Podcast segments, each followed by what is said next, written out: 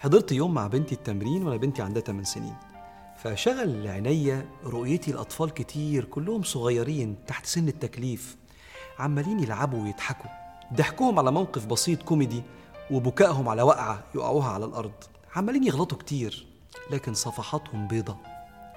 تأملت في الإنسان صاحب أطول فترة طفولة ما بينه وما بين المخلوقات. الكلب بيبلغ عنده ست شهور الحصان بيبلغ عنده تسع شهور الأسد قبل سنتين. كل المخلوقات كده أطول فترة طفولة قبل البلوغ اللي هو سن التكليف الإنسان متوسط 13 سنة. 13 سنة من التجارب في الصح والغلط. حواليك أهل بيعلموك إزاي تتعامل مع الناس وبتتعامل في ال 13 سنة دول مع آلاف الناس. أنت أصلا بادئ حياتك وأنت لسه طفل رضيع متشال في حضن أمك قبل ما تبدأ تمشي. وفي سنين عمرك الأولانية واخد قسط وافر من الحنان من الأهل. أهل بيعكفوا على عيالهم إزاي ياكلوا وإزاي يشربوا وإزاي يحافظوا على صحتهم. ورغبة كبيرة إن هم يحققوا لك مصالحك. كل ده عشان تتعلم الصح والغلط. المفروض على سن 8 9 سنين خلاص بقى تبقى بالغ ومكلف. لأ عيش كمان 3 4 سنين. خد خبرة في الحياة. قال صلى الله عليه وسلم رفع القلم عن ثلاث يعني مش بيتحاسبوا. النائم حتى يستيقظ والصغير حتى يبلغ والمجنون حتى يفيق. ساعتها أنا فهمت ليه النبي قال عليه الصلاة والسلام ليس أحد أحب إليه العذر من الله. أكتر حد بيحب يعذر الناس هو ربنا. سايبك 13 14 15 سنة تاخد خبرة في الدنيا قبل ما يكلفك ويحاسبك علشان يديك عذرك.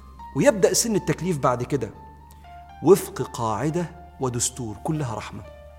القاعدة بتقول لا يكلف الله نفسا إلا وسعها. يعني لو الوسع بتاعك انتفى يرفع عنك التكليف لدرجة إن في ناس بتفقد الوسع عن أركان الإسلام فربنا ما يكلفهمش بأركان الإسلام. أضرب لك مثال غالبية الناس مش مفروض عليهم الزكاة وهي الركن الثالث من الإسلام لأنهم بسطاء معهمش فلوس. ويرفع الصيام عن المريض حتى يشفى. وتقصر الصلاة على المسافر حتى يعود. ويجلس في الصلاة من لا يستطيع القيام لعذر. فلا يكلف الله نفسا إلا وسعها.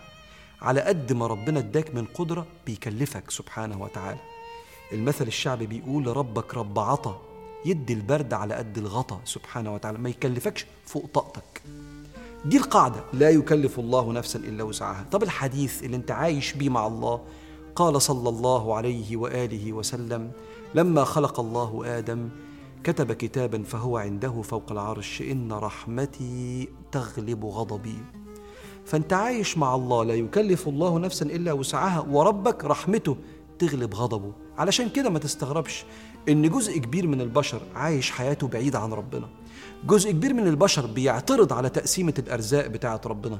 جزء كبير من البشر بيراجع ربنا في أفعاله ويعاتبه أنت عملت كده ليه فيا؟ جزء كبير من البشر بيتأخر على ربنا لما ربنا بينادي عليه. ومع ذلك رحمته سبقت غضبه فهو يرزقهم ويعافيهم ويسترهم ويحافظ عليهم لأن رحمته سبقت غضبه. ببساطة. المعادلة بتقول عبد مقصر ورب يعذر سبحانه وتعالى. فكر نفسك دايما بالمعاني دي. هتلاقي قلبك حن لربنا وتفهم أفعاله وتدرك إن الخاسر الحقيقي من ترك العلاقة مع الله هو الإنسان. ساعتها هتفر إلى الله. فاللهم إن ضعفنا في السير إليك فاحملنا حمل الكرام عليك.